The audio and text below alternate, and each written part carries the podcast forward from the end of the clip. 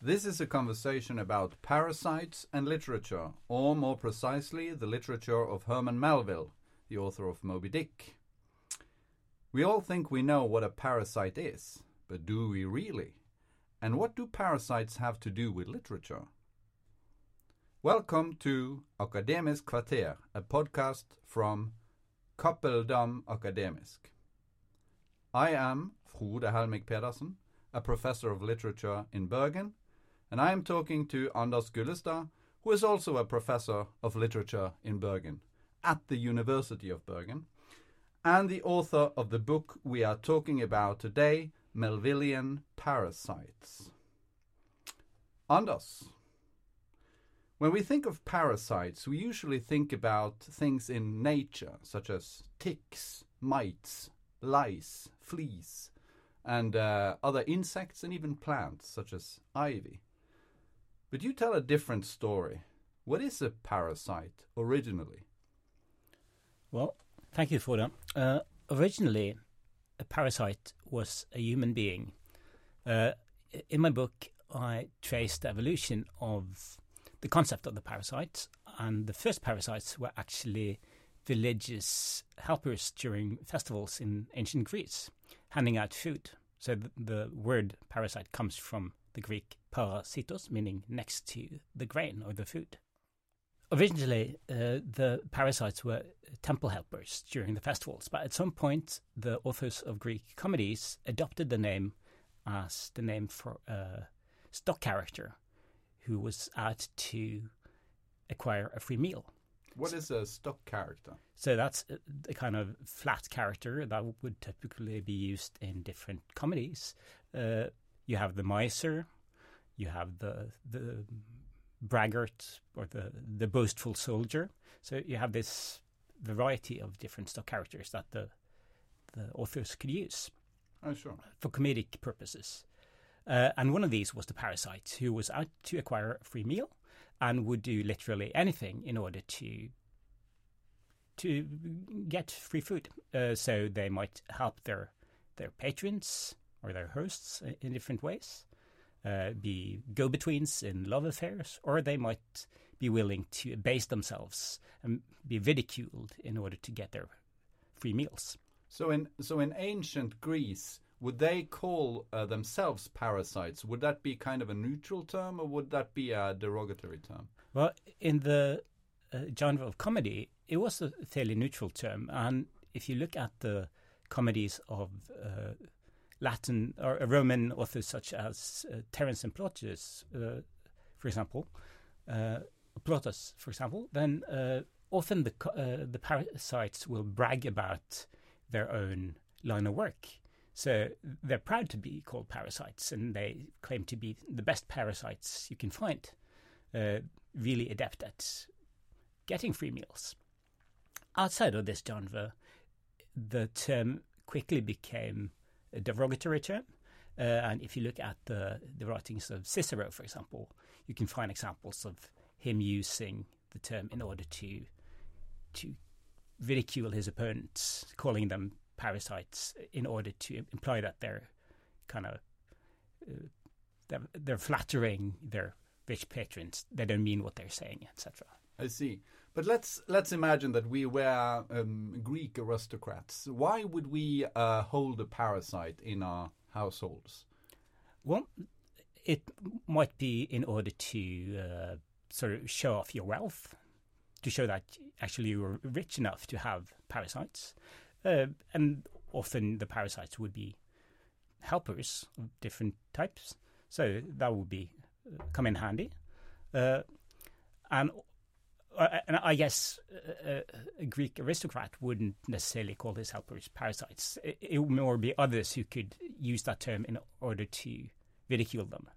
Uh, but uh, rich people uh, throughout history have always had sort of ent- entourages of people hanging around them, and I guess that's the case today as well. Yeah, and and uh, also what what is clear from your book is that um, a a host would get something out of this relationship. It's not like a one way relationship that you only have to give a meal to this no good who is staying at your house, you get something from it. What do you get typically for, from a parasite? Well, in the comedies, you get uh, somebody to ridicule often, but also uh, and also somebody to help you. But uh, it's often entertainment because the parasite would be forced to tell amusing stories and to yeah provide entertainment during the feast in order to pay for their meals. I see. So, so there is a kind of creativity involved in being a parasite. You have to sort of work and you have to produce something. Yes, because if you're not working, you're not producing, then you'll most likely end up getting beat up or kind of thrown out on your ass or whatever. Yeah. So a lazy parasite will get no dinner, I, I, guess you could say. And also, it, it, it kind of approaches the figure of the author because you have to produce stories, you have to produce entertainment. Definitely. And uh, I know that uh, authors have often been because before the birth of the the open or the market economy where authors could make a living from selling their books in an open market, they had to have rich patrons, to, or very often they had to have rich patrons in order to be able to write. I see. Uh, so therefore, being an author uh, in uh, the old days, it'd be very easy for somebody to come and label you a parasite. I, and often they would have to repay their their patron by producing a poem about how great the patron was or whatever. I see. And but but it's clear that at some point something happens to this term parasite. It starts to be used in a different way for different phenomena. Could you talk about that and when does that happen and what happens?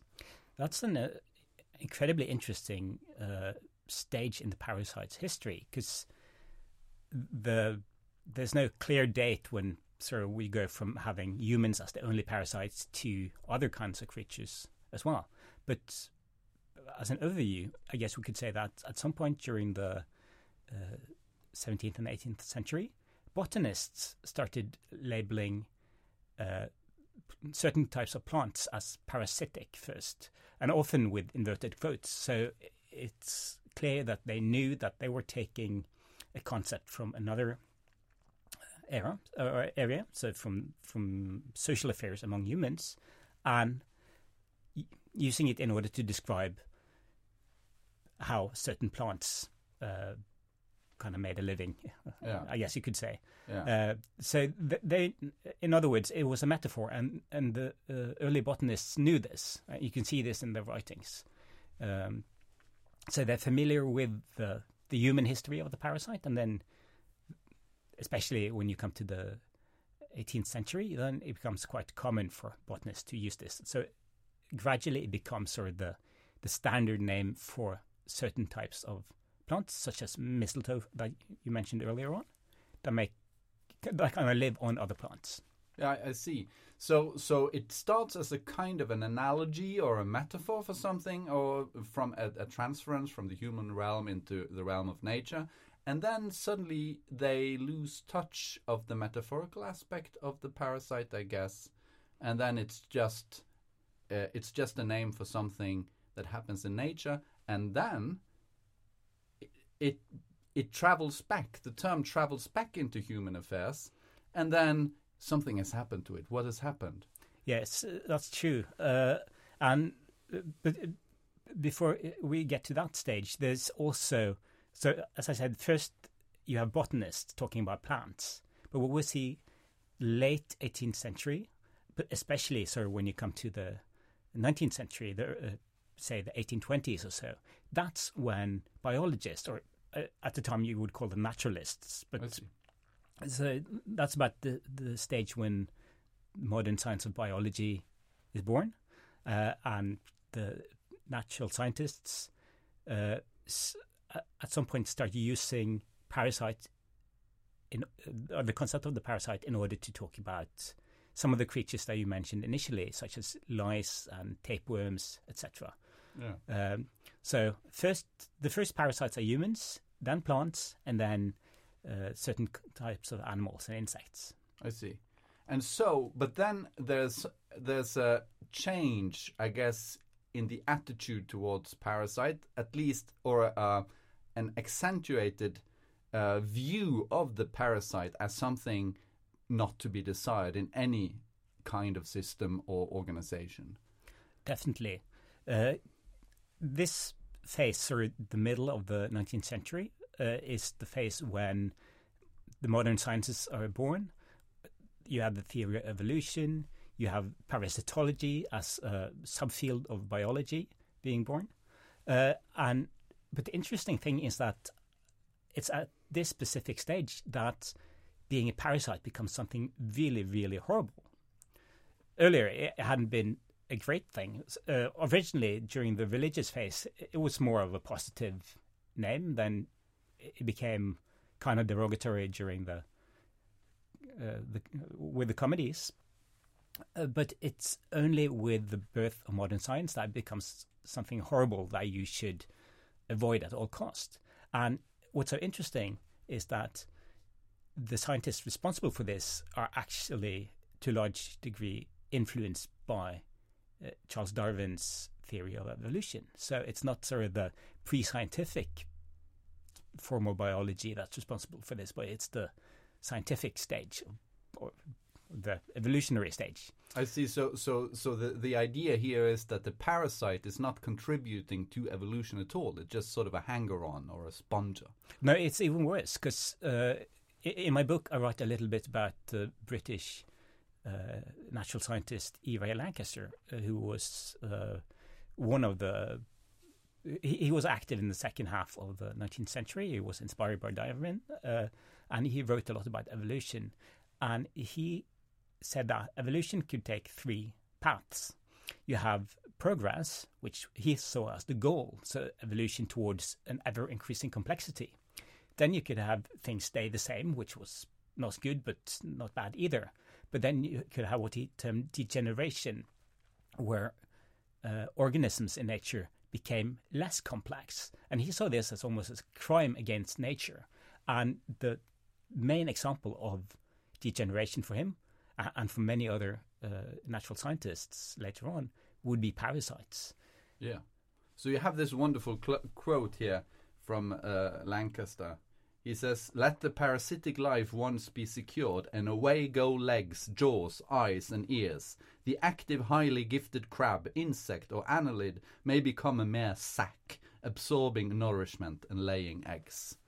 So it's it's kind of a useless thing. And then this becomes a name for humans again, and and much much worse and quite sinister uh, with respect to what happened in the 20th century. Um, I'm thinking about the Holocaust, of course, and the and the uh, and the terming of Jews as parasites on the German fabric of society and so forth. You brush on that as well. Yeah, I write a little bit about that, uh, which is a really fascinating, also horrible story. Um, to put it briefly, the idea that Jews could be likened to parasites is something you first see at the end of the 18th century with the famous uh, German uh, sort of precursor of uh, social anthropology, Herder.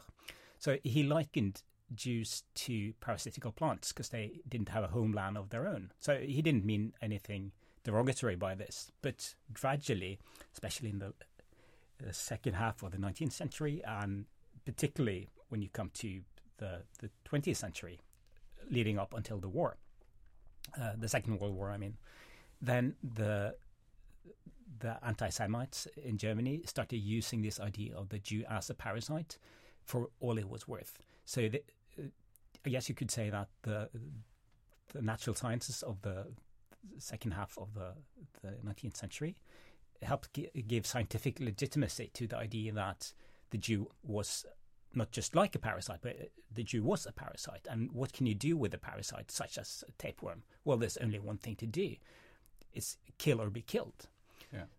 So uh, I have the quote in book from uh, a manual that uh, Wehrmacht wrote in 1944, where it says explicitly that there's only one thing to do. Uh, you can't have a truth, uh, a truce with um, with a tapeworm. You have to kill it. Yeah. Okay, so but you are focusing now on a different period. The the middle of the uh, 19th century is kind of your uh, main period, uh, and we have to return now to Melville. Why parasites connected with Melville? We are now talking about uh, novels and stories written in the 1840s and 1850s.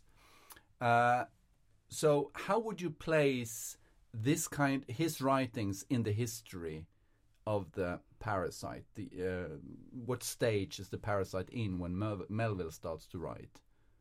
Well, it's quite interesting because if you go to sorry any dictionary written around say 1800 and look up parasites, it would list pages and pages of, about sort of the, the human or type of parasite. So they have a bit about the, the religious origin, but a lot about the comedies, the Greek and Latin comedies. And then at the end, you'd find um, a sentence or two about that plants could be seen as parasites as well. Well, if you go to, say, the Encyclopedia Britannica uh, from around 1900, the uh, situation has been totally turned around. You'd find page upon page about plants and animals as parasites, and then you'll find a few lines about, well, originally the parasite used to be a human being. So Melville is writing, as I see it, at a stage when these different meanings of the concept are kind of existing side by side, but where it hasn't been decided yet who is the real parasite. I see. So, what does that have? What kind of use does he make of the figure of the parasite? We we could start maybe with the early with his early work, like Typee. What kind of parasite? Maybe you could talk a little bit about that book, and and explain what kind of parasite we find there. So Typee was Melville's first book uh, from the late 40s. Uh, and so today, Melville, of course, is primarily known for Moby Dick. But during the 19th century, uh, and when he died, for example, it was Typee that he was referred to as the author of, not Moby Dick, because that came much later with the Melville revival of the 1920s. Um, so Typee was uh, and still is a really entertaining book about a sailor uh, who runs away from a ship in French Polynesia and ends up with a tribe of, or a tribe that's supposed to be cannibals. Uh, uh but he, so he's really scared that he'll end up on their menu. Uh, and we never really figure out whether they are actually cannibals or not. But the tribe treats him really nicely and feeds him and pampers him and carries him around uh, so he's almost like he's uh, he's royalty. So he's leading a really really pleasant life with plenty of access to voluptuous women and uh, and whatnot. Um, so, and I guess it should be mentioned that this book was partly based on Melville's own experiences as a sailor. He and one of his uh, crewmates ran away from their ship and spent some time with the Polynesian tribe.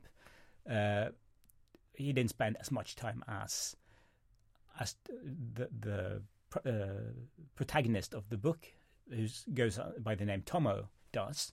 So it's not entirely certain how how much of this Melville himself experienced, but it was kind of portrayed as a, a true story. I see. Uh, so, so he's a parasite then, Tommo. Well, that's what I came to realize, but because uh, there's been a lot written about this book, uh, over the years, ever since it was published. And many critics have wondered what, why do the Polynesians, so this, this Typee tribe, uh, why do they treat them so nicely, especially since they're supposed to be cannibals? Uh, but what previous scholars haven't seen, as far as I've understood it, is that Tommo is actually a quite parasitic character. If you look at the opening of the book, he only has one thing on his mind, and that is food. He dreams of food, and he's aboard a ship, uh, and they have kind of mediocre food at best. Uh, so he, and, and they're nearing French Polynesia and the islands there. And what he's dreaming about is access to fresh fruit uh, and good things to eat uh, and to drink. So, so he's not just well, it, he, he comes across as having food on his mind. I see. Uh, and that is something that the classical parasites, that, that one of their defining traits. I see. So, uh, but why do they treat him so nice, nicely then? Well, one thing is to want fruit; the other thing is to get it. Well, there are of course different possibilities. Well, it could be that they're fattening, fattening him up in order to eat him. Uh, that, at least that's something that he's fearing, and that brings up an interesting question because can you be said to be a parasite if those who are feeding you are doing it in order to eat you eventually? But uh, I, I, think a more likely uh, explanation is that, um, first of all, he, he, becomes sort of a, a hanger on to the, the local chief, uh, and it will cast uh, honor on, on, the chief to have this Western uh, Western person in his entourage. Uh, also, uh, Tommo does bring with him certain um, inventions that they aren't familiar with. So he himself sees these as small and insignificant, but to, to the Typees they are important. For example, we learn that they don't know how to sing because uh, because there are no birds uh, on the island, uh-huh. supposedly. Uh, but uh, and, and Tommo sings to them, so even though he, he doesn't think that he has a great voice or anything, uh, they are described as being enthralled by his singing. And also shadow boxing is something that he does, and which thrills them a lot. Uh, but the final thing uh, is that when he arrives, it's at a very crucial moment of of history for them because we learn that uh, the French are trying to invade the island, uh, or that they are on the island. And so far, this type, uh, supposedly cannibal tribe has managed to avoid the French aggression and the French colonizers, probably due to their reputation as fierce cannibals. Uh, but uh, we learn in the in the book that they will, are looking for information about the French and their plans. So that's one of the reasons why Tommo originally seems like an asset to them, having him sorry in their midst. Yeah. So you, but you could say that uh, from uh, from having been in the ancient or classical literature a stock character, Tommo is not really a stock character. He's a complex character, right? And and and but he is still kind of a parasite, but he is portrayed in a way that accentuates the mutuality in this parasitical relationship. Would you agree with that? Well, definitely. Uh, I guess you should mention that uh, even though the the parasites of Greek and Roman comedy tended to be quite flat and not having a lot of psychological depth. Uh, when you come to uh, especially the Renaissance and British authors like Shakespeare and Ben Jonson, you get more complex parasite figures both in Shakespeare's writings, uh, in Jonson's writings. Um, so I wouldn't say that Melville is the first to to kind of portray a complex parasite, but uh, it's interesting because he has several similarities to the classical parasites. For example, they rarely had families, and we learn that there's only a reference to home and to mother. That's all we learn about his background, for example.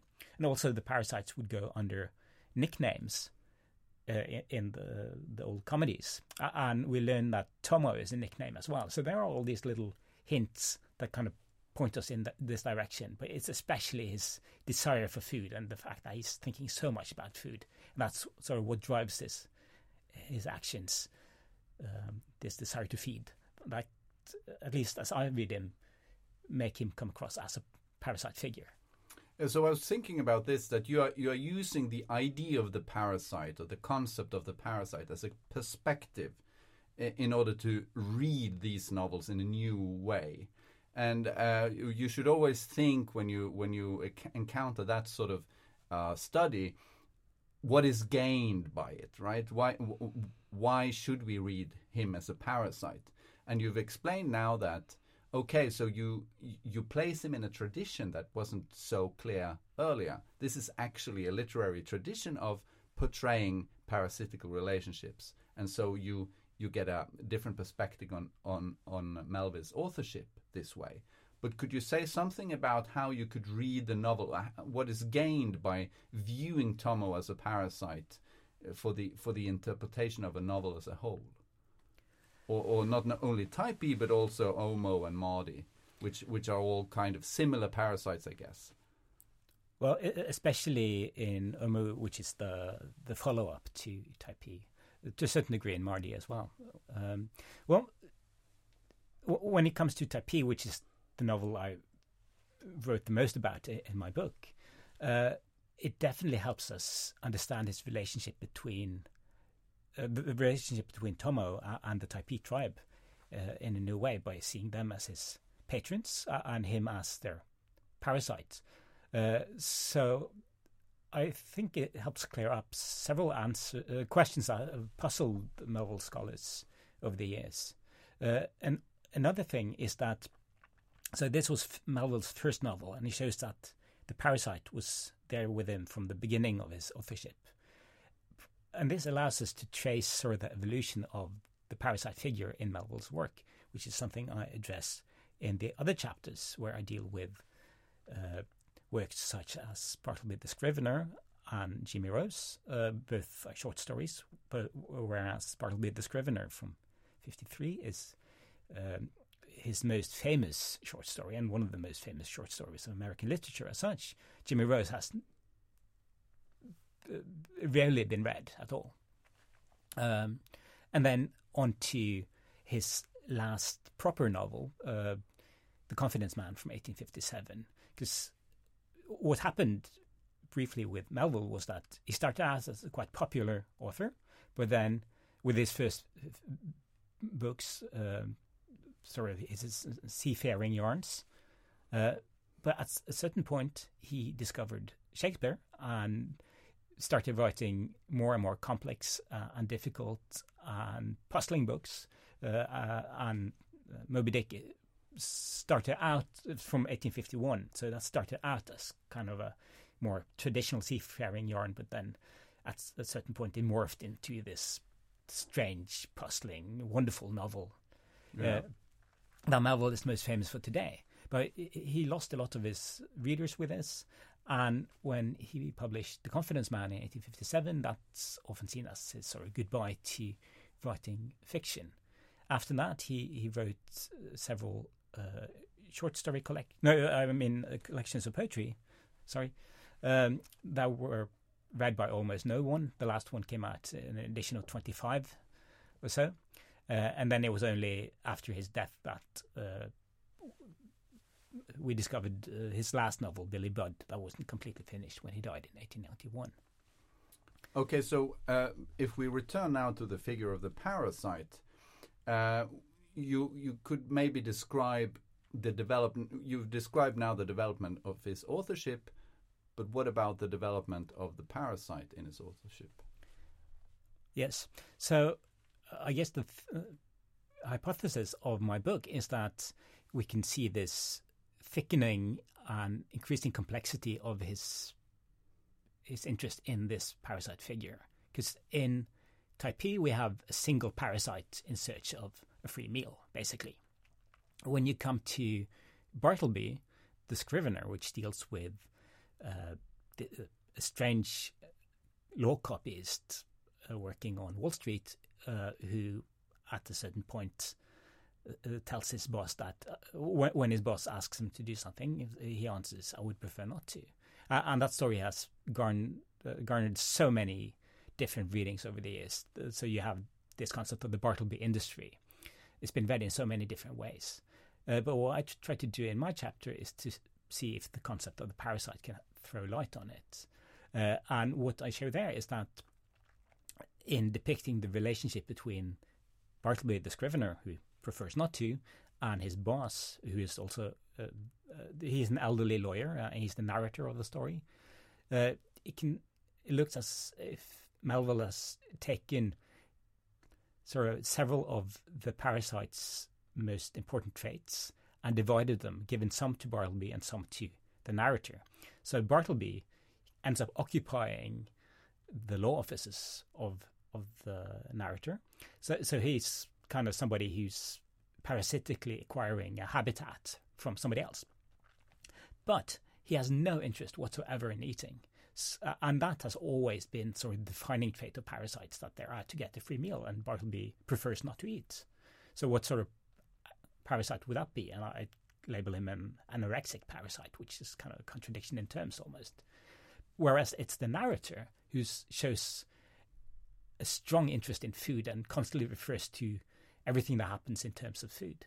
So it's almost as if Melville has sort of split the, the question of habitation and the question of feeding and given these two defining aspects of the parasite to two different characters. And I'll also discuss whether the the famous utterance that Bartleby makes, I would prefer not to, if that can be seen as sort of a parasite in its own right. If we stop a little bit there, what what you accentuate in this uh, splitting of the traits of the um, parasite, I think, which was kind of surprising, uh, was that uh, also the uh, the, the people who are high up in society, aristocrats and the high bourgeoisie, they can also be seen as parasites because they're kind of they're kind of sponging out of uh, people's uh, hard work, right? And they just sit there and eat. So it's not necessarily kind of a, a, servant who is a parasite, but it can also be like an aristocrat. In this case, it's quite clear that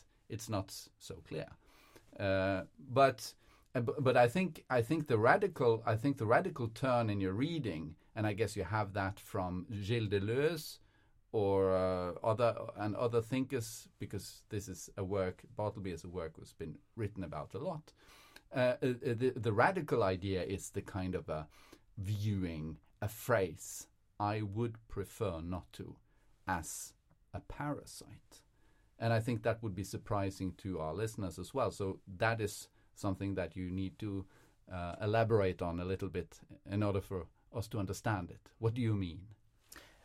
Yes. Okay. So there have been many readings uh, of Bartleby, and especially sort of political readings. And one of the most important of these, I would say, would be the analysis by the French philosopher Gilles Deleuze uh, from the early 90s.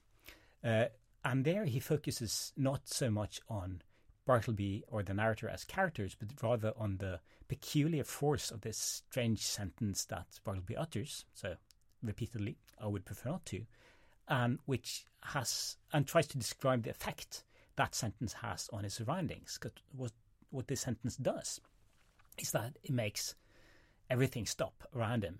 Uh, it makes work break down. Because uh, when Bartleby utters this sentence to the narrator, the narrator is infuriated because uh, the narrator asks Bartleby, for example, to copy pa- uh, papers or to verify the copies against an original. Uh, and if Bartleby had said no or uh, never or whatever, then it would have been easy for the narrator to fire him.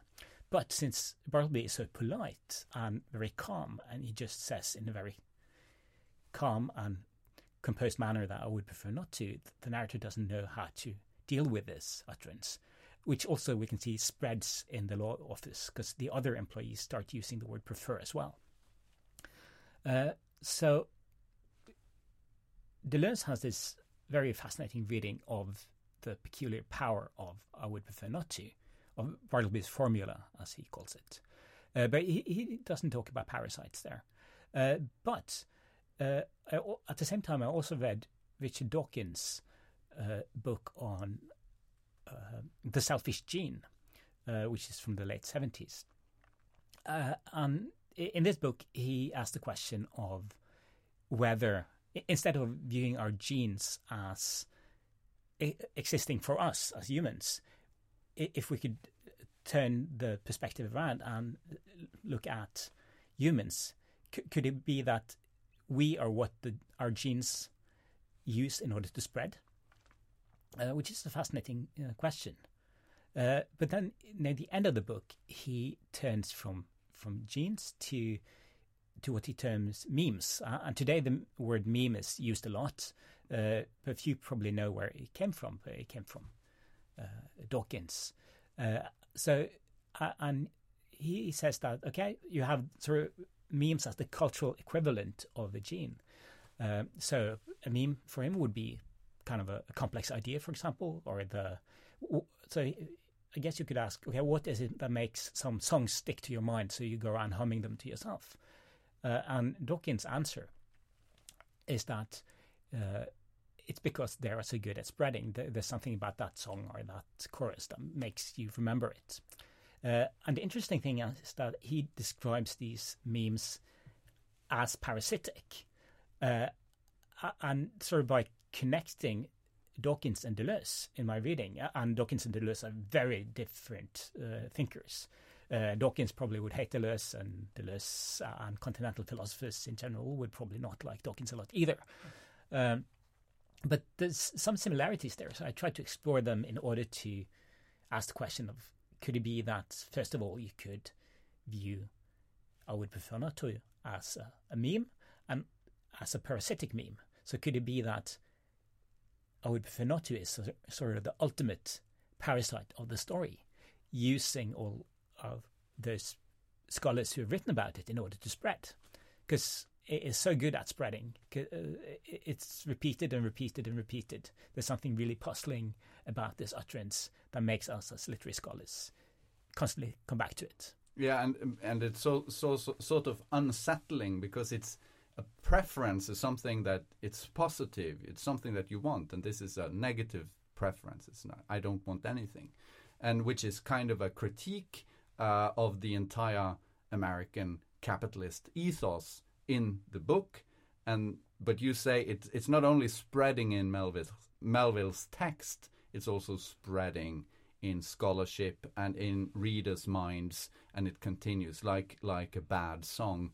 Uh, or a, or a, at least a song that sticks to your mind. Or uh, in Bartleby's case, a very good song. Yeah, yeah, yeah, yeah. It's a very good book.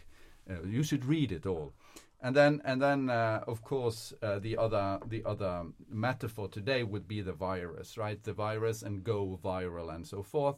And I think we'll leave it to the listeners to uh, to um, explore that connection further because we can't. We have to end this conversation now. I think. Um, and maybe you should just try to sum up what you've been saying about the parasite, or maybe just uh, sort of wrap this conversation up, what would you say uh, about the connection between literature and the parasite, or Melville and the parasite, um, so that we have uh, something something to to uh, to cling on to, as it were, after having heard this conversation? Well, I guess I would say that the concept of the parasite is something that's often thought to belong to the natural sciences, but as I try to show in my book, it has a long story. For 2,000 years before the natural sciences became interested in, in the parasite, the, the word solely referred to human beings. And for this reason, and many others, I think that the concept needs to be rethought. And I also write uh, a bit about several uh, philosophers who have tried to do so, in particular the French recently deceased philosopher uh, Michel Serres, uh, who, who, wrote a book called The Parasite in 1980 uh, that I refer to quite a bit. Uh, so I, I, think the concept of the parasite is such um, a fruitful idea to to work upon, sort of to try to look at literature, philosophy, the natural sciences, or the history of science, uh, and to see them the ways they are interconnected and they feed into each other. So it's not that natural science influences literature. Well, it does that too, but the influence goes back and forth. Uh, and if we really want to understand a concept such as the parasite, then we have to try to properly interrogate this this mutual belonging to different fields. And when it comes to Melville, I think that he's really a great author in order to to try to do this work.